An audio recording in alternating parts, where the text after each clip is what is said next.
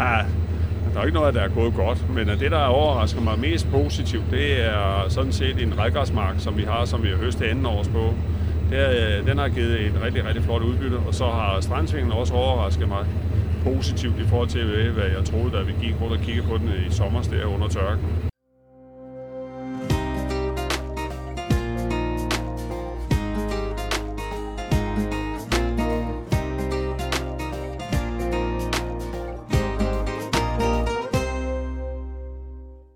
Jeg står ude hos landmand Anders Fransen. Vejret har været lidt i det drillesyge hjørne i år. Så er vi nået ind i august, før marken med almindelig rækgræs her kan høstes, og nu skal det være. Majtærskeren kører række op og række ned i marken, og en vogn står klar til at tømme frøet over i, så det kan køres hjem. Men nu er Anders Fransen ude for mig, så jeg hopper op på majtærskeren og snakker med ham. Anders Fransen, hvad er det, du er i færd med at høste nu? Vi er ved at høre det høste rejgræs, og det her det er en sort, der hedder Clementine. Og øh, ja, den skulle have været høstet for længe siden, men øh, på grund af den her danske sommer, så er den først blevet klar til at blive høstet nu. Og Clementine, er det så en øh, plænegræs eller en fodergræs? Det er en plænetype. Så den øh, ender et eller andet sted i verden på fodbold eller golfbaner eller i haver? Meget højst sandsynligt i hvert fald. Det vi har haft den før, så det er en rigtig fin plænetype, så den har en god fremtid. Hvordan har du øh, gjort klar til høsten i dag? Jamen, øh, den beslutning blev truffet for tre dage siden, øh, på grund af, øh, vi satte på, at det holdt tre dages tørvejr, hvor vi så valgte at skårlægge det. Og øh, så øh, efter to, en, to, tre dage, ligesom hvordan vinder vejr det var, så blev den så tærsket. Hvad skal man være særlig opmærksom på, når man høster frø? Jamen, altså, altså særlig opmærksom, det er selvfølgelig, at vi får varen med hjem, og vi får tærsket optimalt. Det er jo sådan set det, der er udgangspunktet i hvert fald i det tilfælde her. Så når du ser tærsket optimalt, så handler det om indstilling af majtærskeren og så videre? Jamen, det er lige fra majtærskeren til hjemme på tørreriet, fordi at i det tilfælde her, den er jo ikke tørre, den her bare, den er snart plader våd. Så at øh, læsene, de kommer hurtigt hjem og øh, kommer ind på plan der, og øh, der kommer luft på med det samme, så vi får det kølet ned, så vi kan holde øh, spireevnen intakt, og ikke at det ligger og tager varme. Normalt kan vi godt tage den direkte, men at øh, vi har valgt i år at skovlægge den, på grund af, at den har været så tvimoden. Og øh, så øh, vil jeg skovlægge den, som sagt, og det har vi gode erfaringer med. De enkelte frø, de er jo meget mindre end en øh, kornkerne. Spiller man ikke nemt frøet? Jo, det gør man. Altså, selvfølgelig, men, men det kræver bare indstilling af vejtasken, så det er ikke værre end at tage korn. Hvor mange kilo regner du med at høste per hektar af den her rækgræsmark? Det ved jeg ikke. Øh, ja, kan vi bare lande omkring øh, 800-1000 kilo, så er vi godt tilfredse. Øh, sidste år der var vi oppe og, og høste 1800 til 2 tons per hektar, så, øh, men altså kan vi bare i år komme på de der øh, 800 til 1000 kilo, så er vi godt tilfredse. Nu hvor vi kører her, så kigger vi jo ned på et øh, specielt skærebord, øh, et pick-up skærebord, øh, som du har investeret i. Er det normalt at køre med sådan et? Ja, altså det er blevet det i hvert fald her på den egen her, eller, egen, eller på den del af Danmarks korte Østjylland, og vi er langt fremme med at køre med pick-up, og det er blevet mere reelt, end der har været for nogle år tilbage, og det er simpelthen fordi, det handler simpelthen om at have så mange værktøj, meget værktøj i værktøjskassen. Det kan godt være, at et år, så er det udmærket at taste den direkte ok, så gør man det. Men øh, i år, der mener jeg i hvert fald, øh, med den vanskelige rækgræshøst her, så er det i hvert fald godt at få det skårlagt. Og så er en pick-up, det er nummer et, og få det høsten hjem på den måde der. Kan du forklare, hvad det er, et øh, pick-up skærbord gør? Jamen, pick-up skåret er meget simpelt. Den kører og samler det op, sådan så putter det ind i skær og ind i, til indføringstrummen, og hvor vi får en jævn inddækning hele tiden uden nogen driftstop. Og hver gang majtaskerne holder stille, øh, hvis der er et driftstop, så ryger frøene bagud, og vi optimerer også høsten og kan få en større kapacitet og øh, også en renere vare. Er det nemmere at samle op fra jorden, når det ligger meget tæt på jorden med et øh, pick-up skærebord? Jamen, det er den eneste mulighed, og det gælder jo både i rejgræs og andre mulige græsser, og så deltid vildkløver også, så er, der er det også helt unikt med pick-up. Høsten, nu er det jo søndag i dag, øh, den må man tage, når man kan. Hvordan er det som øh, arbejdsplads? Kan man få folk til at, at, at køre på mærkelige tidspunkter? Jamen altså, det kan vi godt. Og for vores vedkommende, vi startede som sagt frøhøsten med Ingergræs. Det startede vi jo sidst i juni, omkring den 20. 25. juni, og nu skriver vi jo så den, den 8. Og 8. Øh, august, og øh, nu er frøhøsten sådan set ved at klinge ud. Så vi har en lang, lang sæson med frøhøst, hvor vi sådan set kører alle de dage, hvor solen den skinner, og hvad er det til det. Men altså, de unge mennesker, de er på, og de elsker det, og øh, det handler jo selvfølgelig også om andre ting, at man gør det til en spændende arbejdsplads. Så der er ikke nogen af dem, der piver. Så de andre ting, der gør det til en spændende arbejdsplads, hvad er det? Det er det sociale. Man skal huske også det sociale aspekt. Det fylder rigtig meget, at, at man kan have mulighed for at kan sidde og kommunikere både på kryds og tværs. Og de følger med i, hvad der foregår i virksomheden på godt og ondt. Hvor mange hektar dyrker du i alt? Vi dyrker de der cirka 1450 hektar, hvor en stor del af vægten på vores markdrift det er på specialafgrøder. Vi har cirka 11, 12, nej, 12 forskellige afgrøder i vores markdrift, og, øh, hvor frøavne fylder en hel del i vores markdrift. Og hvilke andre frøafgrøder har du end den her almindelige rækgræs? Ja, vi har forskellige typer rækgræs, og vi har strandsvingel, og vi har engopgræs, også forskellige typer, også strandsvingel, og vi har hvidkløver, og vi har spinat. Det er sådan det, det vi dyrker. Frøpartiet skal sælges på det internationale marked på en eller anden måde.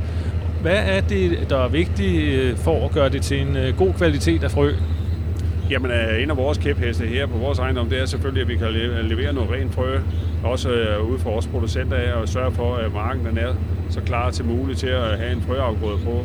Og øh, jeg synes simpelthen, det er, ja, det er et must, at vi som landmænd skal prøve at, at lave så en ren og pæn vare som muligt. Fordi det skulle gerne være sådan, så at vi kan udkonkurrere andre dele af verden af, så vi kan komme med nogle ordentlige partier. Men når du siger rent frø, hvad, hvad betyder det så? Er det så frø uden øh, andre, uden ukrudtsarter i, eller er det uden skidt i, eller hvad, hvad er rent frø? Jamen det er jo det er fri for andre fremmede græsarter, og øh, både væsel eller ærerevhal og hvad pokker det ellers øh, findes rundt omkring. Og, øh, men altså, som, som vores landbrug i Danmark, det står jo over for en stor udfordring, fordi at det er en mængde af hjælpestoffer, i det her tilfælde kemi, kemi den bliver mindre og mindre, og øh, vi løber også ind i noget resistensproblematik.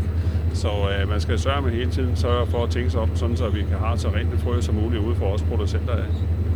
Hvad kan man gøre andet end altså at bruge de kemikalier øh, for at holde frømarkerne rene? Jamen det kræver ganske simpelt at have et godt, rigtig godt uh, sædskifte ude i sin mark og sørge for, at uh, man, har, man tænker sig om, sådan så man er klar til at dyrke det frø. Og selvfølgelig er der også nogle teknikker, og her tænker jeg specielt på uh, rækkesprøjtning og andre muligheder. Uh, og det er noget af det, vi kigger ind i fremtiden, og noget sportsprøjtning osv. Så, så øh, jeg er stærkt optimistisk på, at vi nok skal kunne levere noget rent frø her i Danmark, selvom vi måske ikke har så mange hjælpemidler i værktøjskassen, som andre lande har. Men derfor skal vi dele byen ikke give op. Vi skal nok være på banen, og det skal være sådan, så de siger, at for Danmark er der kommer der en høj kvalitet. Det må være det, der er morsen. Hvad sker der med frøhalmen? I det tilfælde, ja, der snitter vi frøhalmen. Øh, det kan vi sagtens ved, der ikke er så meget på, at det er rækkegræs, men når vi har andre typer græsser, hvor vi gerne vil fjerne halmen, og det er fordi, at vi øh, kigger ind i at bruge rækkesprøjtning. Og øh, så vil vi gerne fjerne halmen, sådan, så vi kan komme ned og ramme jorden øh, med nogle jordmidler, og der er det bedst, at vi får fjernet halmen. Men at, øh, det er jo også lidt af en balancegang fra år til år, og nu kan man så sige lige i år, hvor det har været så vådt, så er der jo heller ikke meget ved, og der er ekstra antal maskiner, der skal ligge og morsle rundt ude i marken og ødelægge frømarken, fordi man skal slæve halm ud eller vente, og hvad ved ellers der skal foregå. Så, øh, men altså, er det muligt, så fjerner vi frøhalm, ellers så bliver det bare snit. Er det noget værd? Jamen altså, selvfølgelig er halmen noget værd. Øh, der er jo nogen, øh, der gerne vil have det til eksport. Blandt andet går der en del til udlandet. Det er nærmest hele familien, som er i gang med at høste, nu hvor chancen byder sig. Jeg har snakket med Anders Fransen. Hans søn er også i gang. Simon Fransen med den anden majtærsker. Mens en elev kører med vognen, som kører frøet hjem til frølageret. Men jeg hopper op til Simon Fransen og hører, hvad han har at sige. Simon Fransen, du er også ude at køre med majtærskeren i dag. Har du kørt meget majtærsker her i sommer? Ja, det, det er blevet til let. Hvor mange timer tror du, du har majtærsket? Øh, ja, det bliver vel til en 250-300 tærstimer, hvis man kan sige sådan. Det er i hvert fald det, der står på mig Så er der alt det overflødige bagefter. Klargøring, rengøring og vejtransport og ja, du ved, you name it. Er det nogle lange dage? Nej, det synes jeg ikke, fordi uh, enten så bliver vi afbrudt af regn, eller også er der meget morgenduk. Så det, det, jeg vil sige, det er mere udfordrende, og det, det kan næsten være lige så trættende, som det er lange dage. Ja. Du sidder med hånden på sådan et uh, joystick og har en skærm over til højre. Hvad sidder du og holder øje med, når du uh, majtasker? Jamen, nu kører vi noget her, som er, som er forholdsvis grønt.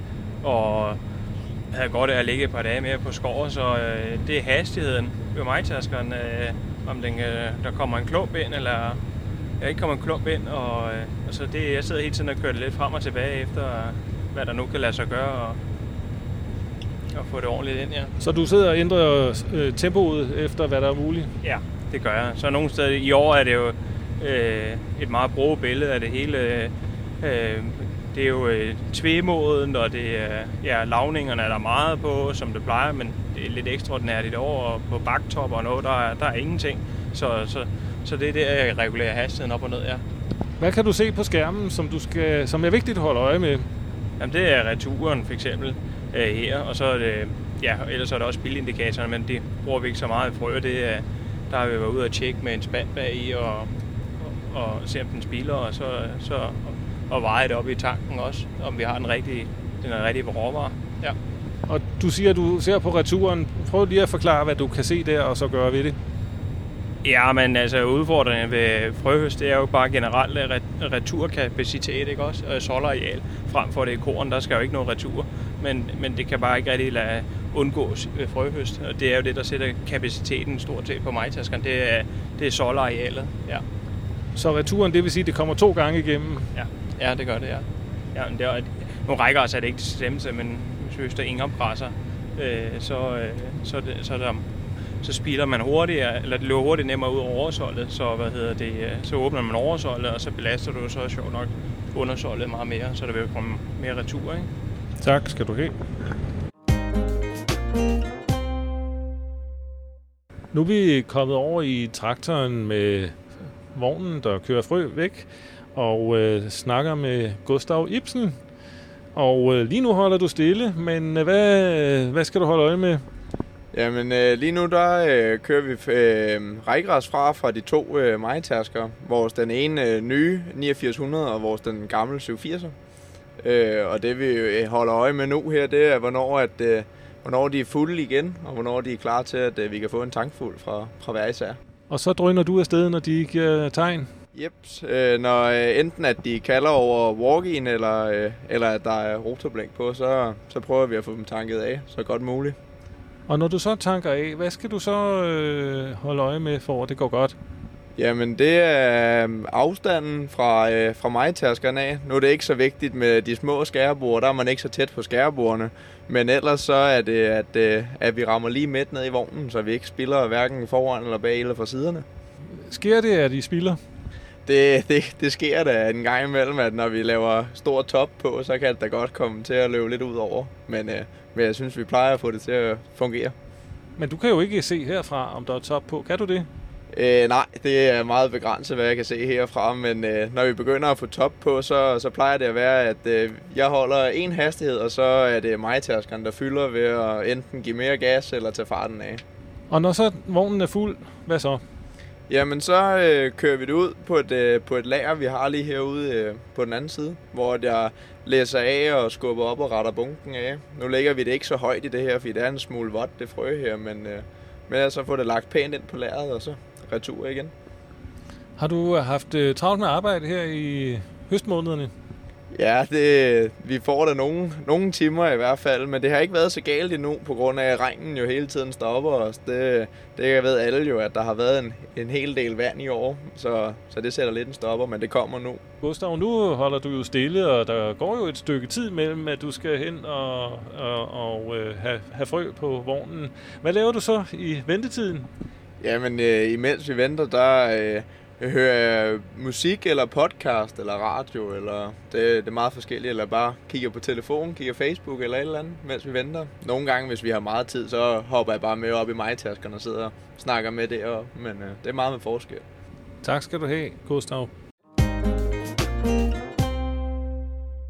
Det er nærmest en undtagelse, at Anders Fransen selv er med ude og majtærske. Min øh, hovedtjans, den er at stå hjemme på tørrerierne og modtage varen. Fordi at, øh, det, er, det er en dyn med meget vigtigt, at øh, man får lagt det frø ind på tørreriet, og man ved, hvor nøjagtigt, hvordan det ligger. Så øh, det er, jeg vil næsten sige, at det er mere vigtigt med manden inde på lageret, end det er med manden ude på maskinen. Kan du fortælle, hvordan dit lager er indrettet?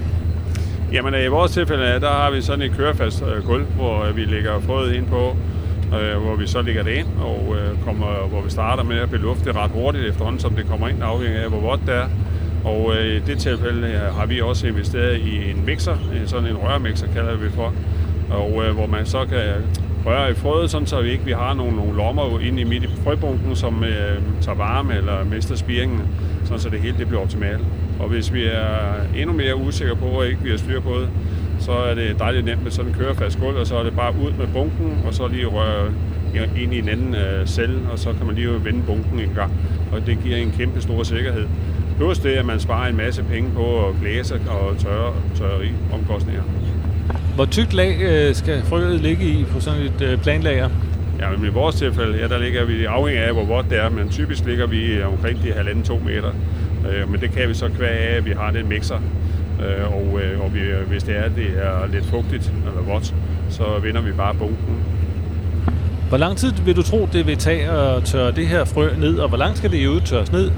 Jamen, det skal jo ned til de, jeg vil gerne tørre det ned til de der 11 procent, så vi er sikre på, at det er tørt nok, ikke at det ligger og slår sig henover over vinteren, øh, men at det, hvad tager det af tid? Ja, det afhænger også lidt af, hvor, hvor meget øh, varme vi har i luften. Selvfølgelig kan vi sætte noget varme på, men øh, jeg er ikke så meget for at sætte for meget varme på, at det kan tage noget af spiringen, men vi skal også passe på ikke at trække tørringsprocessen for langt ud.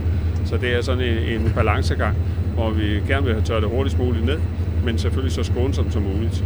Så det handler om, at der kommer en masse luft øh, igennem, så det bliver tørt og lagerfast, og det så på den måde kan bevare en god spireevne? Jamen, øh, det er sådan set meget rigtig konkluderet, at øh, det bare at se at få noget luft på, og luft og luft og luft og luft. Og øh, så må vi tilsætte noget varme efterhånden, hvor øh, hvis luftfugtigheden den er for høj. Det er sådan set den gyldne regel. Men luft, uanset hvad, og lade være med at stoppe for blæserne. Man skal bare køre hele tiden. Og hvornår skal det så leveres til øh, frøfirmaet? Jamen, det er jo ligesom, hvad humør frøfirmaet er i, jo. Fordi at øh, nogle gange så kommer vi af med det ret hurtigt, eller nogle gange så kommer vi først af med det hen i, i maj måned. Så det ved vi overhovedet ikke noget om. I vores tilfælde her, der har vi lavet lærerlejeaftaler, og det har vi haft i mange herrens år. Øh, det er en af vores eget kæpheste, vi har, kan lægge det på lærer. Og øh, jamen, så er det sådan set op til firmaet, hvornår de kalder det ind. Og det er jo kun et spørgsmål om, hvornår de skal bruge det parti her, som vi i vores tilfælde er, hvor de har så været ude og taget nogle prøver af det, så de ved, hvad det er, der ligger ude på det enkelte gårdlærer, og så kalder de jo det ind, når de skal bruge det. Tak skal du have. Anders, Simon og Gustav har stadig nogle timers høst foran sig. Skyerne truer og nærmer sig, men holder vejrudsigten, kan de lige nå at få den sidste del af marken i hus, før himlens sluser åbner. Men nu hopper jeg af mig tærskeren. Du har lyttet til podcasten Frømanden i serien En arbejdsplads i landbruget. Senere på året vil du kunne høre om, hvad der sker med frøet, når det når ind til frøfirmaet og bliver renset og pakket og skal videre ud i verden.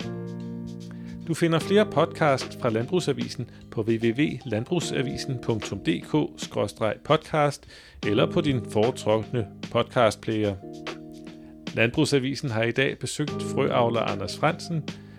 Din vært på programmet har været mig, Frederik Talbitzer.